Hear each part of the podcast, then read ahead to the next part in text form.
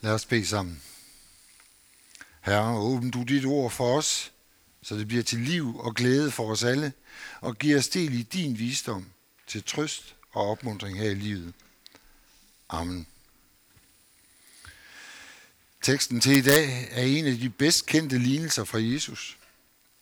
Lignelsen om sædmanden, der sår sine frø rundhåndet, er sammen med lignelsen om den barmhjertige samaritaner nok dem, Øh, de lignelser, der kendes bedst rundt omkring.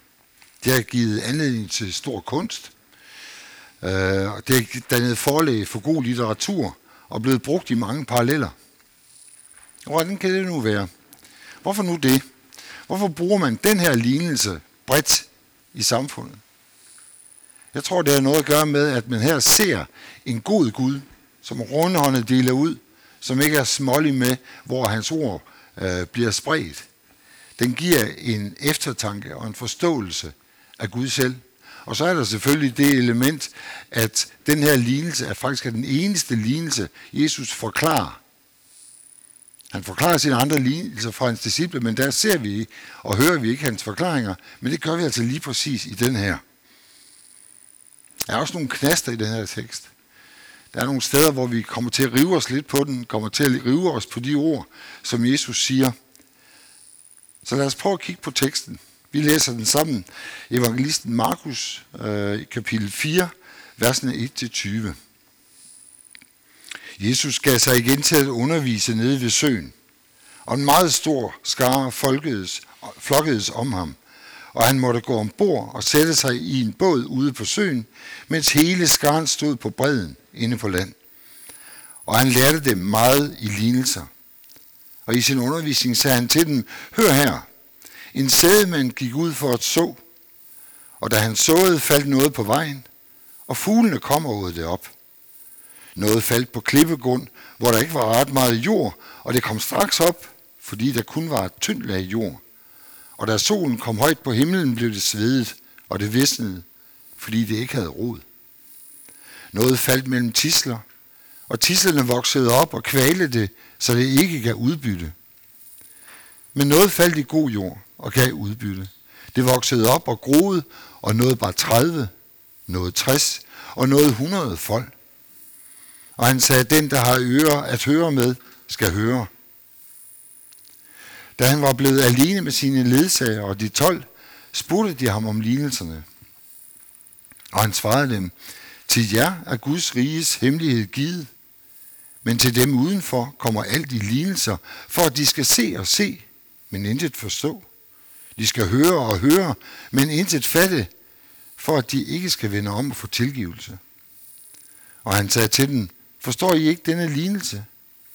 Hvordan skal I så kunne forstå de andre lignelser? man så ordet med dem på vejen, hvor ordet sås, er det sådan, at når de har hørt det, kommer Satan straks og tager det ord bort, der er sået i den. De, der bliver sået på klippegrund, er dem, der straks tager imod ordet med glæde, når de har hørt det, men de har ikke rod i sig. De holder kun en tid, så når der kommer trængsler eller forfølgelse på grund af ordet, falder de straks fra. Andre er dem, der bliver sået mellem tislerne. Det er dem, der har hørt ordet, men denne verdens bekymring og rigdommens blindværk og lyst til alt muligt andet kommer til og kvæler ordet, så det ikke bærer frugt. Men de der, har så, de, der bliver sået i den gode jord, det er dem, der hører ordet og tager imod det og bærer frugt. 30, 60 og 100 folk. Amen. Lad os tage knasten i teksten først. Jesus siger her, at til dem udenfor kommer alt i lignelser for, at de skal se og se, men intet forstå. De skal høre og høre, men intet fatte, for at de ikke skal vende om og få tilgivelse. Det var nogle mærkelige ord. Hvad mener Jesus med det? Er evangeliet kun for de indvidede? Bliver Jesu tale til mennesker til togesnak og meningsløshed, for at de ikke skal vende om og få tilgivelse? Nej. Jesu ord har altid det sigte, at mennesker skal komme til tro på ham. Han kom til jorden for at åbenbare Guds herlighed og Guds gode vilje mod alle mennesker. Men Jesus kender også vores hjerter. Han kender vores villighed eller uvillighed til at lade ordet tale ind i vores liv. Og for dem, der afviser ordet, giver det ikke nogen mening. For dem, der bliver det netop tågesnak og ligegyldighed. Ikke fordi Jesus ikke ønsker deres tro, men fordi de ikke ønsker at tro. Forskellen på disciplene og så dem udenfor, altså dem, der ikke tror på Jesus, er, at disciplene har faldet tillid. Tillid til Jesus. Tillid til Gud. Og dermed åbner de også deres hjerter og deres tanker for hans budskab. Og har du gjort det, ja, så giver Jesu ord mening for dig. Ikke før. Vi kan ikke selv tvinge os til at modtage ham, men vi kan bede ham om at skænke os troen på ham. Og der ligger et paradoks i det her. Vi vil så gerne betragte os selv som havende en fri vilje. Vi hører ordet, og så bestemmer vi os, hmm, okay, eller nej, det tror jeg ikke på. Men der ligger et paradoks i det her, for vælger vi Jesus fra, vælger vi at fornægte Guds ord og sige, det tror vi ikke på, så er det vores eget ansvar. Det er vores egen beslutning. Men det betyder ikke, at hvis vi faktisk vælger at tro på Jesus, at så er det også vores egen beslutning. For Bibelen siger, at troen er Guds gave til os. Det er ikke noget, vi har frempresset, frem logisk tænkt os igennem til at finde frem til, det skal nok passe det, der står her. Men det er Guds gave til os. Så selvom det kan virke paradoxalt og måske endda uretfærdigt, så er det altså sådan, at vælger du Jesus fra, vælger du ikke at tage imod hans ord, så er det dit eget ansvar. Og tak Gud, hvis du tager imod hans ord, for så er det ham, der har skænket dig det. Jeg kan godt lide at tænke på det som øh, et menneske, der er i havsnød, der ligger og, og plasker rundt, der er lige ved at drukne. Og der er en, der kaster en redningskrans ud til vedkommende. Hvis vedkommende nægter at tage imod redningskransen, så drukner vedkommende. Men tager det imod redningskransen, er det i taknemmelighed mod den, der har kastet den ud.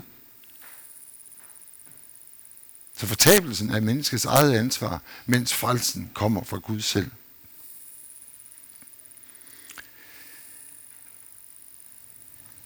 Når vi ser på teksten, så er det meget næglændende at tage den, som den står. Umiddelbart.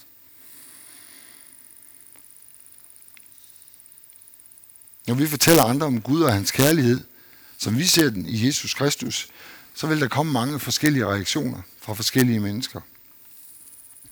Lige fra den umiddelbare afvisning, som ikke kan eller vil overveje overhovedet det, vi siger. Vi præller af på den, som vand på en gås. Ordet rammer et panser af negativitet og mistænksomhed. Måske foragt. Og man kan tydeligt mærke en, en vis medlidenhed med vi stakler, som har brug for en krykke her i livet. De har på forhånd taget stilling til, om der overhovedet er muligt, om der overhovedet findes en Gud. Og de er kommet til en konklusion, det gør der ikke. Så vores ord bedømmes ud fra det standpunkt. Det er det, som teksten omtaler som ord, der er sået på klippegrund. Så er der dem, der umiddelbart tager ordene om en kærlig, omsorgsgud, omsorgsfuld Gud til sig, som en god nyhed. Det kan være, at de længes efter kærlighed. De længes efter en omsorgsfuld far, som tager sig af dem, som fylder dem med trøst og med glæde og med fred. Altså tilfredsstiller deres behov.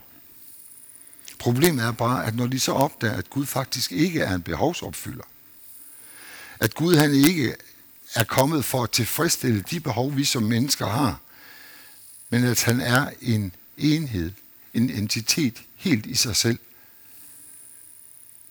så kan det blive svært.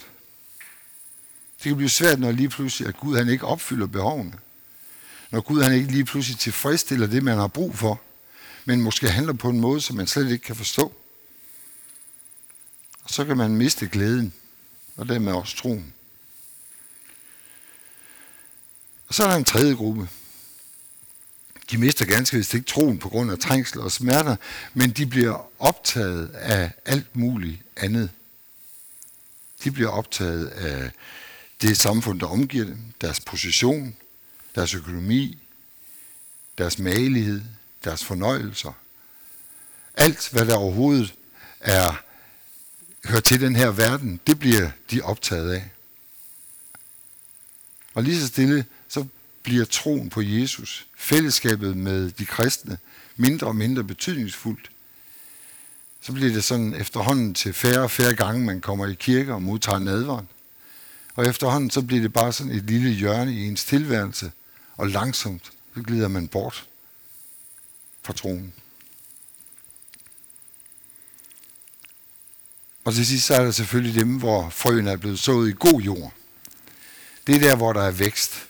Det er der, hvor der er glæde, tilbedelse, anerkendelse af Guds majestæt, fællesskab med de andre kristne. Alt det gode, som Bibelen har lovet dem, der følger Jesus. Dejligt. Og jeg kan godt genkende den her kategorisering af mennesker. Den her forståelse af os og dem. Dem indenfor og dem udenfor. Og det er så dejligt. Det er så dejligt at have styr på min verden. Så dejligt at lave nogle små kasser, jeg kan putte det hele ned i, sætte en markat på, og så sige, her har vi altså den slags mennesker, her har vi den slags mennesker, og så har vi så også de her mennesker. Det er der noget trygt i. Men hvad nu, hvis vi et øjeblik forsøger at glemme den her kategorisering? Den her delen mennesker op i forskellige kasser og grupper, hvor vi har styr på den. Og så vender ordet om til os selv.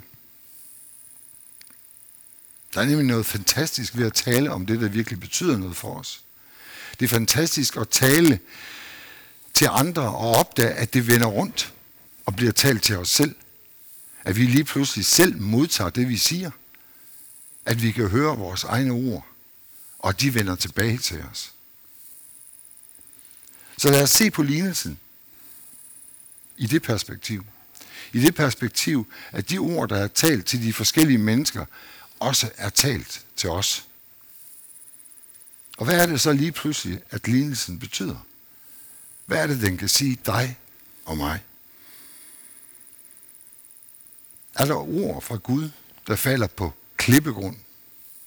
Der falder måske endda på vejen? Det er der i mit liv. Det må jeg bekende. Det må jeg indrømme. Jeg er så glad for at tale om Guds uendelige godhed og kærlighed og noget og tilgivelse. Det har jeg det godt med. Og det er sande ord. Ingen tvivl om det. Men hvad stiller jeg op, når Gud ikke beder? Eller ikke svarer på min bøn? Når Gud han handler på en måde, som jeg ikke i min vildeste fantasi havde forestillet mig, han ville gøre. Hvad når Guds kærlighed bliver væk? I sygdom, i lidelse. Hvad når jeg ser mennesker, som endda er hans egen børn, kæmpe, og måske kæmpe til det sidste med ondskab, undertrykkelse, vold og naturkatastrofer. Når mennesker, som jeg ved, har lagt deres liv i Guds hånd, alligevel oplever, at livet kommer til at gå ondt. Jeg har nogle gange hørt nogle mennesker sige, jamen når Gud han er så god, hvorfor skulle den eller den dø? Eller når Gud er god, hvorfor skulle den eller den lide så meget? Og meget ofte, der kan jeg simpelthen ikke svare på det. Jeg har ikke nogen fixet. Jeg har ikke nogen nemme løsninger på de der meget svære spørgsmål. Der er spørgsmål i livet, som simpelthen kommer til at stå ubesvaret. Sådan er det. Og nogle gange kan vores forsøg på at give et svar gøre endnu mere ondt end accepten af, at det kan vi ikke svare på. Vi kan ikke forsvare Gud, og skal heller ikke prøve. Men vide, at det liv, vi lever, lever vi altså i de omstændigheder, som vi selv har skabt. Vi er faldet fra Gud. Afsynd er en del af vores liv, og alle konsekvenserne i form af lidelse og død, smerte og savn følger med. Jeg vil gerne her lige springe lidt ud af teksten og nævne, øh, nævne en bog, som jeg selv har fået rigtig meget ud af. Gud og det onde hedder den fra Bibelselskabets forlag. Vi har den her i bogsalget i kirken, øh, og hvis nogen derhjemme gerne vil øh, læse den, så kan man kontakte Ingolf, som står for bogsalget, eller bare en af vi andre hernede i kirken, så skal det nok blive sendt til den. Den går, den går i dybden med de her spørgsmål. er ikke nogen hurtige svar, øh, for de findes ikke, men nogle overvejelser, som man godt kan tage til sig. Der kan også nogle gange være, så kan jeg også blive ramt af sådan nogle intellektuelle øh, knaster, hvor det bliver svært at forstå, hvordan tingene lige hænger sammen. For vi er logiske, og vi er logisk tænkende, og har fået en eller anden forestilling om, at det, der er logisk, er sandt, og det, der er sandt, det må også være logisk. Sådan er det bare ikke. Logikken er en dværg i troens sammenhæng. Så nogle gange er det ulogisk. Nogle gange er det svært at forstå. Men vi er så bundet af den her logiske tænkning, den her fornuft, at nogle gange kan det blive en anfægtelse, at vi møder nogle ord fra Gud, som er ulogiske og ufornuftige. Og så nogle gange, så hører vi noget og bliver begejstret. Nogle gange så hører vi noget, som vi simpelthen glæder os over, og som vi fyldes af og synes, yes, hvor er det godt det her. Men så sker det på nøjagtig samme måde som andre, at vi bliver lidt ondselige i forhold til det at fortælle andre om Jesus, om vores tro. Det bliver svært for os lige pludselig at, at øh, komme ud med ordet. Vi skal jo heller ikke være påtrængende med vores kristendom. Mennesker, de skal have lov til selv at vælge, og de ved det jo nok også godt. De har gået til konfirmationsforberedelse. De har jo nok hørt ordet andre steder. Så hvorfor skulle vi være påtrængende? Hvorfor skulle vi være dem, der stikker næsen frem? Det kan være en tanke. Jeg har ikke lyst til at blive betragtet som værende dum, eller naiv, eller fjollet, eller hvad det nu måtte være. Andre vil kunne synes om mig. Så nogle gange kan jeg godt være tilbøjelig til at holde det lidt for mig selv. Man skal jo heller ikke være overskride folks grænser, vel? Så nogle gange så kan bekymringen for, hvad mine ord vil gøre ved mig selv, simpelthen hylde mig ud af det. Så jeg undgår. Jeg undgår simpelthen at komme til mennesker med det ord, som jeg faktisk ved, det er det, der vil kunne give dem liv. Og så er der nogle gange, hvor ordene fra Guds mund lander i tisler hos mig. Af glæder og fornøjelser, underholdning. Som jeg en dengang sagde, vi står ikke i så stor far for at blive forfulgt, men vi står i far for at blive forført.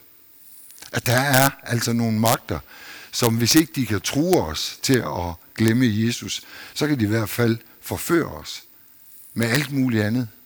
Med underholdning, med glæde over rigdom. Og vi er blevet velsignet ud over alle grænser.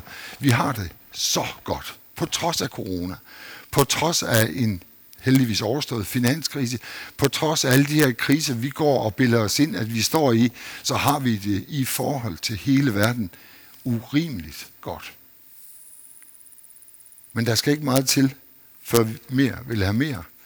Og så glemmer vi perspektivet. Vi glemmer Guds perspektiv, og vi glemmer også perspektivet for andre mennesker. Og så er det selvfølgelig også den gode jord. Det er de gange, hvor ordet kommer ind i ens liv, ind i ens hjerte, fylder en med glæde og fylder en med tro. Og man er parat til at gå hele vejen. I hvert fald i det øjeblik. Men det sker. Og Gud har givet os gaven til tro. Han har givet os troen i vores liv. Og tak for det. Der hvor vi ikke fokuserer på os selv, vores egen behov, vores egne glæder eller problemer, men udelukkende fokusere på den, der har skænket os troen. Den, der har givet sit liv for os til frelse, både her i livet og i evigheden. Jesus har brudt den ondes magt. Han er lidt, og han er død for vores synders skyld. Ham til ære og os til gavn. Amen. Lad os bede sammen. Far i himlen, tak for, at du giver os alt, vi behøver til at leve dette liv på jorden. Fyld os med din hellige ånd, så vi aldrig går vild, men lad dine ord blive sået i den gode jord, som du har givet os. Amen.